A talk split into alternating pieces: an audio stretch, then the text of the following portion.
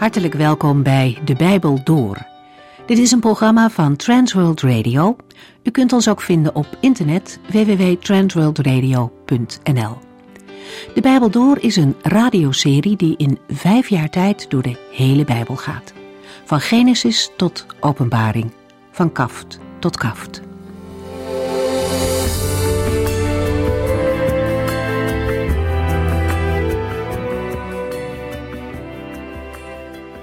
We lezen vandaag verder uit het Bijbelboek Openbaring.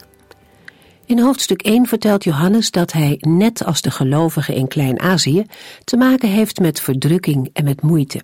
Hij is verbannen naar het eiland Patmos. De plannen van de Heere God gaan echter gewoon door. Hij heeft nog een belangrijke taak voor de oude apostel. Johannes krijgt nog een grote profetie om door te geven.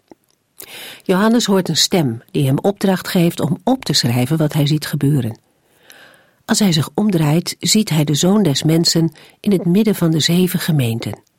En hoewel Johannes als discipel heel dicht bij de Heer Jezus had geleefd, is dit zo overweldigend dat hij als dood voor hem neervalt. De majesteit van Christus is zo groot dat geen mens kan blijven staan als hij daar iets van ziet. Het eerste wat de Heer tegen Johannes zegt is: Wees niet bang, deze bemoedigende woorden komen vaak voor in de Bijbel wanneer mensen een boodschapper uit de hemel ontmoeten. En Johannes krijgt opnieuw de opdracht om op te schrijven wat hij ziet. Deze keer is de omschrijving nog wat nauwkeuriger. Er zit een driedeling in.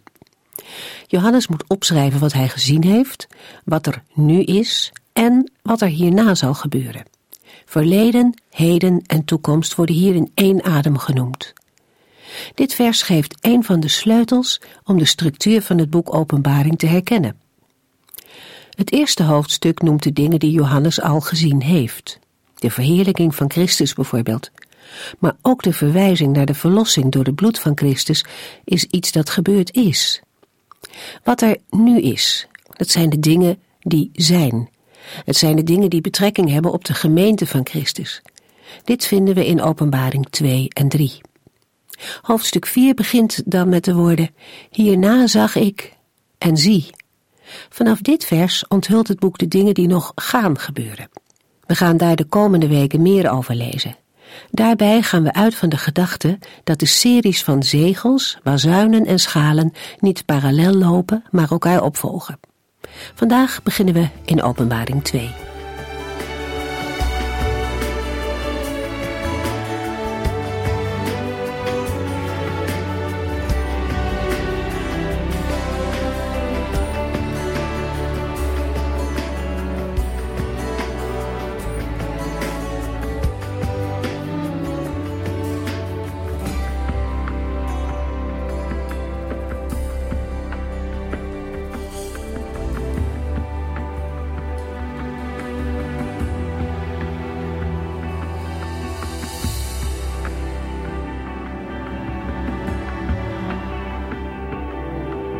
Eerste brief die de verhoogde Christus aan Johannes opdraagt te schrijven, is gericht aan de gemeente van Efeze.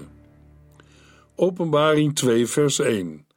Schrijf aan de boodschapper van de gemeente in Efeze. Dit zijn de woorden van hem die de zeven sterren in zijn rechterhand houdt en tussen de zeven gouden kandelaars loopt. Over de boodschapper van de gemeente hebben we het al gehad in de vorige uitzending. Nu volstaan we met een korte herhaling.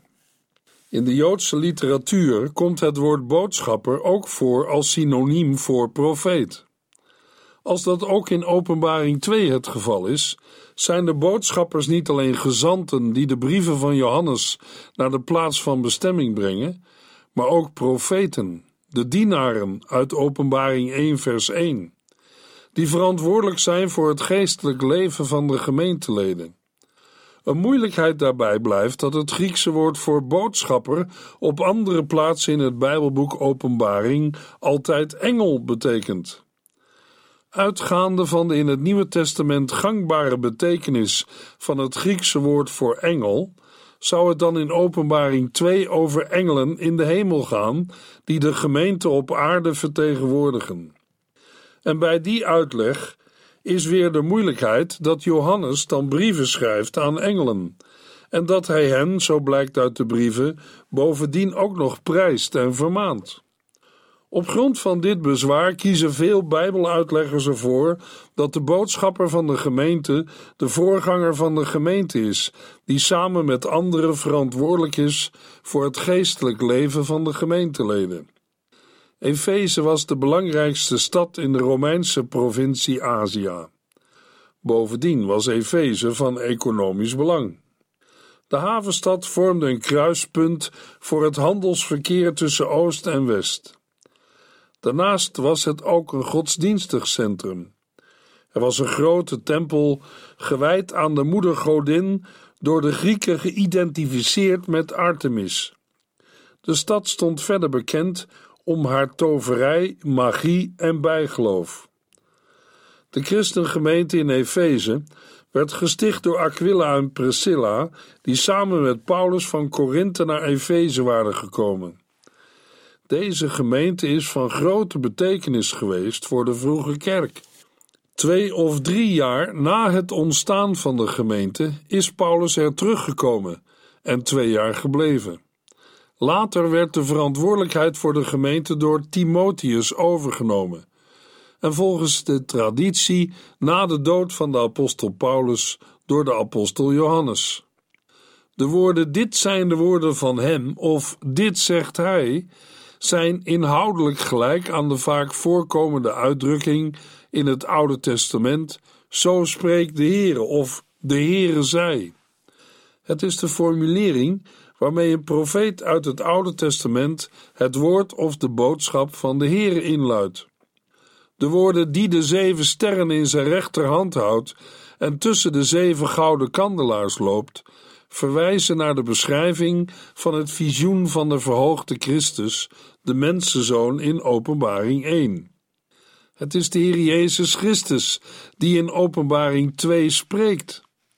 Het lopen of wandelen zal een omschrijving zijn van de onzichtbare, maar reële aanwezigheid van de opgestane Jezus Christus in de plaatselijke christengemeenten. Efeze was niet alleen een prachtige stad, het was ook de voornaamste stad van de provincie Azië. Toen Paulus in de haven van Efeze aankwam, keek hij naar de boulevard die helemaal uit wit marmer bestond. Als hij naar het centrum van de stad ging, zag hij mooie gebouwen, tempels, badhuizen, een groot theater en prachtige pleinen. Er woonden ook veel mensen in Efeze, en bij bijzondere gelegenheden puilde de stad uit van de mensen. In de stad Efeze had de apostel Paulus zijn grootste bediening. Het was ook de stad waar de apostel Johannes later voorganger werd. Efeze werd rond de tempel van Diana gevormd door de Anatoliërs, die de godin Diana vereerden. Bij tijden brachten de rivieren de Kaister en de kleine Meander zoveel slip mee dat in de tijd van Alexander de Grote een groot deel was dichtgeslipt. Toen Alexander de Grote de stad had ingenomen, gaf hij Efeze aan een van zijn generaals, Lysimachus. Door de dichtgeslipte haven moesten de mensen naar een hogere locatie verhuizen. En daar zijn de ruïnes van de stad Efeze tot op vandaag nog steeds te bezichtigen. De tempel van Artemis in Efeze was het grootste tempelgebouw van de oudheid. Het wordt tot de zeven wereldwonderen van de antieke wereld gerekend. Het gebouw was rond 550 voor Christus gereed en was een van de heiligdommen ter ere van de maagdelijke jacht, vruchtbaarheids- en maangodin Artemis. Een voor de Grieken zeer belangrijke godin, met een oorsprong als moedergodin in Anatolië. In de Griekse periode werd aan de stad Efeze een fabelachtige rijkdom toegeschreven. Als hoofdstad van de Romeinse provincie Azië was het een van de grootste steden van de oudheid. Tegenwoordig ligt het in Turkije. De tempel van Artemis was de grootste Griekse tempel die ooit werd gebouwd. Er waren meer dan honderd buitenzuilen van ongeveer 20 meter hoogte waarvan 36 met de hand waren bewerkt. De deuren waren van cipressenhout, zuilen en muren waren van Paris marmer, het witte marmer van het eiland Paros, een van de mooiste marmersoorten uit de oudheid. Het dak was van cederhout. De tempel diende ook als de bank van Azië en was een schatkamer met enorme sommen geld. Het was ook een galerie met de meesterwerken van grote meesters uit de oudheid. Achter een purperen gordijn was het wulpse beeld van de godin Diana te zien, de godin van de vruchtbaarheid. Rond de tempel van Diana werden de grofste vormen van zedeloosheid bedreven. Diana werd waarschijnlijk door veel mensen aanbeden, meer dan enige andere afgod.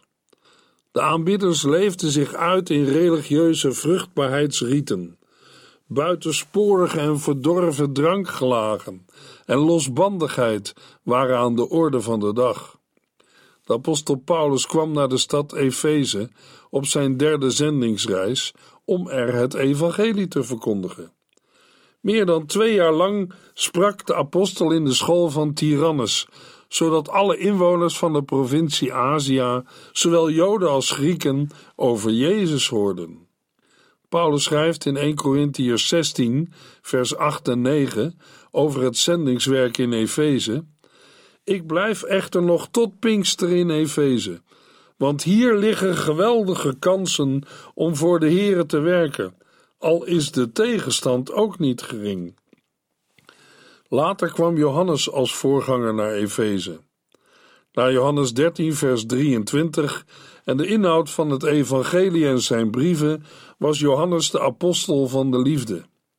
Maar in Marcus 3, vers 17 wordt hij samen met Jacobus aangeduid als een van de zonen van Zebedeus en kregen zij van Jezus de bijnaam Boanerges. Dit wordt door Marcus toegelicht met de uitleg van het woord Boanerges, zonen van de donder. Het wordt door Bijbeluitleggers wel in verband gebracht met hun karakter, zoals dat naar voren komt in Marcus 9, vers 38 en Lucas 9, vers 54. Vele Bijbeluitleggers uit de eerste eeuwen hebben deze bijnaam in verband gezien met hun prediking, die net als de donder overal heeft geklonken. Daarbij kunnen we verder opmerken dat de donder werd beschouwd als een aanduiding van Gods stem. In ieder geval moet de bijnaam, net als die van Simon Petrus, positief uitgelegd worden, omdat de Heer Jezus hen die bijnaam heeft gegeven. Dat Petrus, Jacobus en Johannes als de eerste drie van de apostelen worden genoemd, zal zijn omdat de Heer Jezus met hen de nauwste band heeft gehad. Alleen van Petrus, Jacobus en Johannes lezen we dat de Heer Jezus hun een bijnaam gaf. We gaven al eerder aan dat de apostel Johannes naar Patmos was verbannen en na ongeveer tien jaar ballingschap en gevangenschap keerde hij terug naar Efeze. De basiliek van de heilige Johannes, die op het hoogste punt van Efeze ligt, is gebouwd boven de traditionele begraafplaats van de apostel Johannes. De Heer Jezus vraagt aan Johannes om aan de christengemeente in de wereldstad Efeze de volgende brief te schrijven. Openbaring 2, vers 1 tot en met 3. Schrijf aan de boodschapper van de gemeente in Efeze. Dit zijn de woorden van hem die de zeven sterren in zijn rechterhand houdt en tussen de zeven gouden kandelaars loopt. Ik weet dat u veel goed doet, hard werkt en standvastig bent. Ik weet dat u geen slechte mensen kunt verdragen. U hebt die zogenaamde apostelen als leugenaars aan de kaak gesteld. Ik weet dat u mij dwars door alles heen trouw bent gebleven. U hebt het niet opgegeven. Met de woorden ik weet in vers 2 verzekert de Heer Jezus dat hij de inzet en moeite van de christengemeente van Efeze kent. De woorden ik weet dat u veel goed doet, hard werkt en standvastig bent, leggen de nadruk op daden van de gemeenteleden. Deze daden zijn een graadmeter van een echt en oprecht geloof, zowel bij het laatste oordeel als nu in de tijd van de genade. In 1 Thessalonicense 1 vers 2 en 3 zegt de apostel Paulus: Telkens wanneer wij bidden, danken wij God voor u. Als wij met onze Vader over u spreken, denken wij steeds aan wat u allemaal uit geloof en liefde doet, en niet te vergeten aan de volharding waarmee u vertrouwt op onze Heer Jezus Christus. Met de woorden: Ik weet dat u veel goed doet. In een andere vertaling lezen we: Ik weet u werken. Wordt het gedrag van de gemeenteleden aangeduid. Het Griekse woord voor werken is het meest algemene woord voor het menselijk gedrag. Het wordt door inspanning en standvastigheid nader aangeduid. De christengemeente van Efeze wordt geroemd om haar inspanning. De slechte mensen, in andere vertaling lezen we valse leraars, kwaden of boosdoeners, te weren en hen niet te verdragen. Standhouden of volharden wil zeggen het dappere geduld om de moeilijke situatie die is ontstaan door de invloed van dwaalleraars het hoofd te bieden omwille van de naam van Christus. In de tweede plaats wordt genoemd: U hebt die zogenaamde apostelen als leugenaars aan de kaak gesteld. De gemeente heeft de schijnapostelen, de dwaalleraars, ontmaskerd. Deze mensen worden slechte mensen of boze genoemd. Dat wil zeggen, het zijn mensen die veel kwaad berokkenen. Zij noemen zichzelf apostelen, maar zijn het niet. Het gaat in Openbaring 2 om apostelen, dus niet beperkt tot de twaalf apostelen, om gezondenen, met andere woorden rondreizende evangelisten. De situatie is anders dan in een moderne westerse kerk. De vroege christelijke kerk kende veel rondreizende predikers en profeten. Hieronder bevonden zich ook valse broeders, zoals hier in Efeze en bijvoorbeeld in Korinthe. In 2 Korintiërs 11 vers 3 tot en met 6 lezen we: Maar ik ben bang dat uw gedachten, net als Eva door de slang en diens sluwheid werd verleid, afgeleid worden van de oprechte en zuivere toewijding aan Christus. U bent veel te goed gelovig. Zelfs als iemand u een heel ander beeld van Jezus geeft dan wij, gelooft u hem. Als iemand aankomt met een andere geest dan de Heilige Geest die u hebt ontvangen, of met een ander evangelie, dan accepteert u dat zomaar. Toch zie ik niet in waarom deze geweldige boodschappers van God beter zouden zijn dan ik. Ik mag dan geen vlot spreker zijn. Ik weet in elk geval waar ik het over heb. Maar ik denk dat ik u dat niet hoef te vertellen, want dat heb ik u eerder al overduidelijk bewezen. En in 2 Korintiërs 11, vers 13 tot en met 15: Die mannen werken helemaal niet voor God. Ze zijn niet door hem gestuurd. Het zijn huigelaars die u hebben wijsgemaakt dat zij apostelen van Christus zijn. Maar denk nu niet dat het mij verbaast. Satan zelf kan zich voordoen als een engel van het licht. Het is dan ook geen wonder dat zijn handlangers zich voordoen als oprechte dienaren van God. Maar op het laatst zullen zij allen de straf krijgen die zij voor hun wandaden verdienen. En verderop, in 2 Korintiërs 12, vers 11 tot en met 16, ik heb mij gedragen alsof ik niet wijs ben, en dat is uw schuld. Als u goed van mij had gesproken, had ik het niet hoeven doen. Die zogenaamde geweldige boodschappers van God hebben niets wat ik niet ook heb, al ben ik niet waard. Toen ik bij u was, is in alle opzichten gebleken dat ik een apostel van Christus ben. Met grote volharding heeft de Heere door mij wonderen onder u gedaan en bewijzen van zijn macht gegeven. In welk opzicht heb ik u minder behandeld dan de andere gemeenten? Dat ik niet op uw kosten heb geleefd? Wel, dat moet u mij maar vergeven. Ik sta op het punt voor de derde keer naar u toe te komen en ik zal u weer niets kosten. Want ik wil uw geld niet, ik wil u zelf. U bent uiteindelijk mijn kinderen.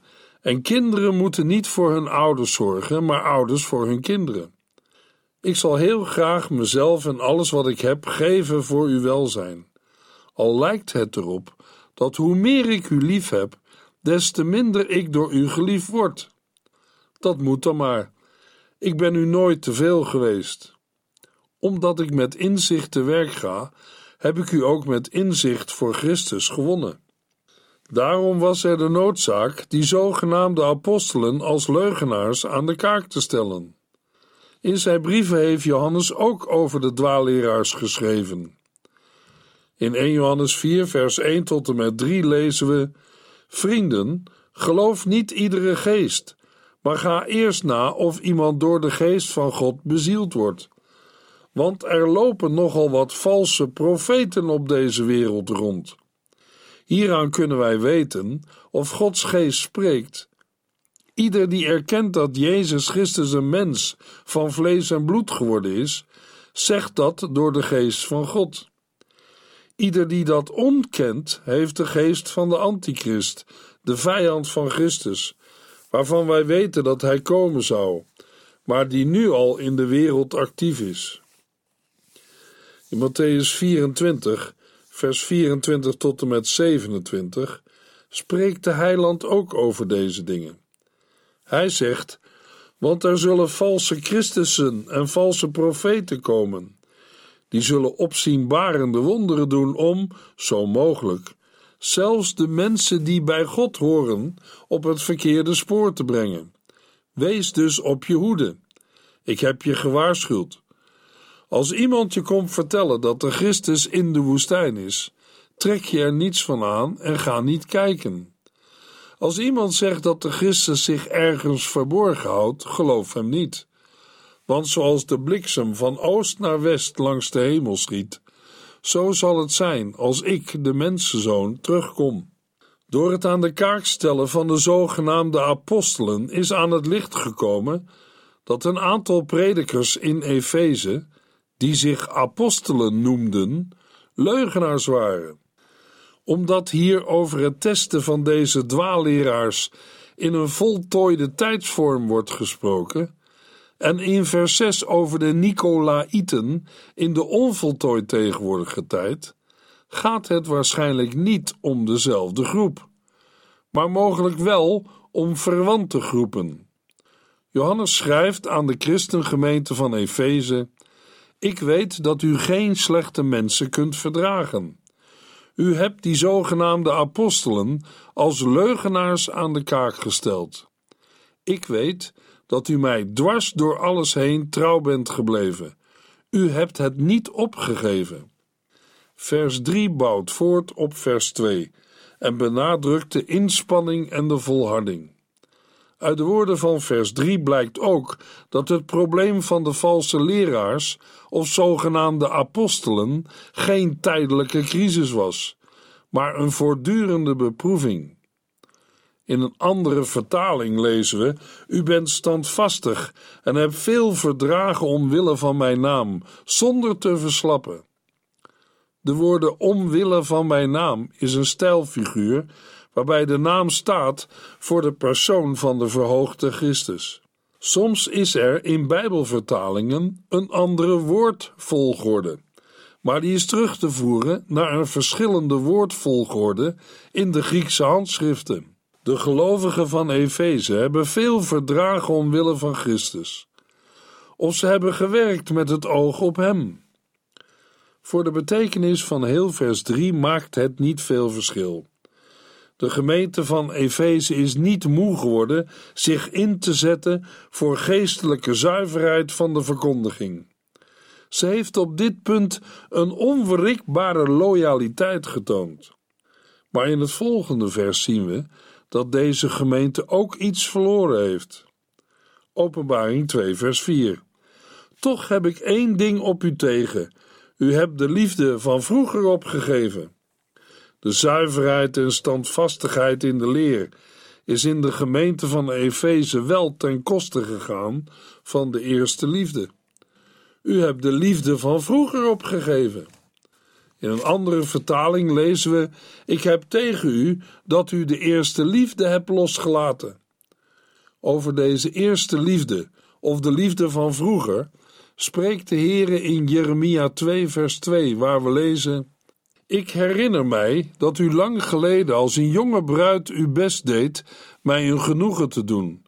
U hield van mij en volgde mij zelfs dwars door onherbergzame woestijnen. Het is de liefde van de bruidstijd. De liefde die helemaal vol is van de persoon van de Heer Jezus Christus. Deze wordt gekenmerkt door de onderlinge broederliefde. Aan de onderlinge liefde zullen de mensen zien dat jullie mijn leerlingen zijn. Hoewel de liefde voor God en de liefde voor elkaar niet te scheiden zijn, wijst vers 5 erop met de woorden: Doe weer dezelfde dingen als vroeger, dat de Heer hier toch op de eerste plaats de broederliefde op het oog heeft. De strijdpunten met de zogenaamde apostelen hebben geleid tot scheuringen. Daarover lezen we in Handelingen 20, vers 29 tot en met 32, waar Paulus tegen de leiders van de christengemeente van Efeze zegt: Want ik weet dat er na mijn vertrek valse leraren als hongerige wolven bij u zullen komen. Zij zullen de kudde niet ontzien. Zelfs mensen uit uw eigen kring zullen de waarheid verdraaien en proberen de christenen aan hun kant te krijgen. Wees daarom op uw hoede. Vergeet niet dat ik in de drie jaar dat ik bij u was, ieder van u voortdurend heb terechtgewezen, zowel s'nachts als overdag, en vaak onder tranen. Nu vertrouw ik u aan de Heere toe. Hij zal u zijn goedheid doen ervaren. Hij kan u versterken in uw geloof en u het deel geven van de erfenis die Hij heeft bestemd voor allen die Hem toebehoren. En in Openbaring 2, vers 4 schrijft Johannes namens de Heere: U hebt de liefde van vroeger opgegeven. Na de toespraak van Paulus lezen we in Handelingen 20, vers 37 en 38. Zij begonnen allemaal te huilen vielen hem om de hals en kusten hem.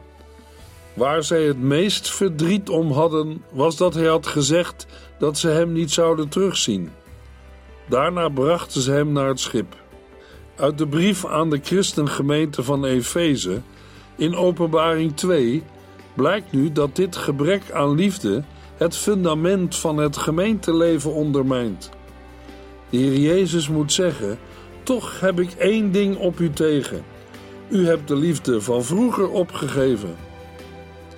En hoe is dat bij ons, bij u en bij jou?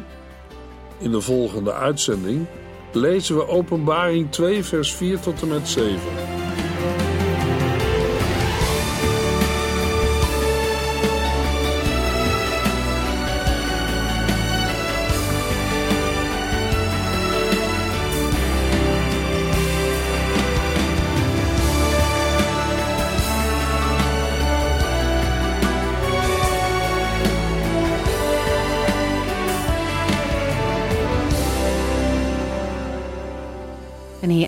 Deze aflevering van De Bijbel Door. Een serie programma's van Transworld Radio. Wilt u ons iets vragen of meer weten? Dan kunt u altijd contact met ons opnemen. Bellen kan overdag met 0342 478432. Per post Transworld Radio. Postbus 371. Postcode 3770. Anton Johannes in Barneveld. En e-mailen kan ook. De Bijbel door at transworldradio.nl En natuurlijk ook via onze website transworldradio.nl Dit programma werd gepresenteerd door Cor Weda en Ike André. En namens iedereen die er nog meer aan meegewerkt heeft, graag tot de volgende keer.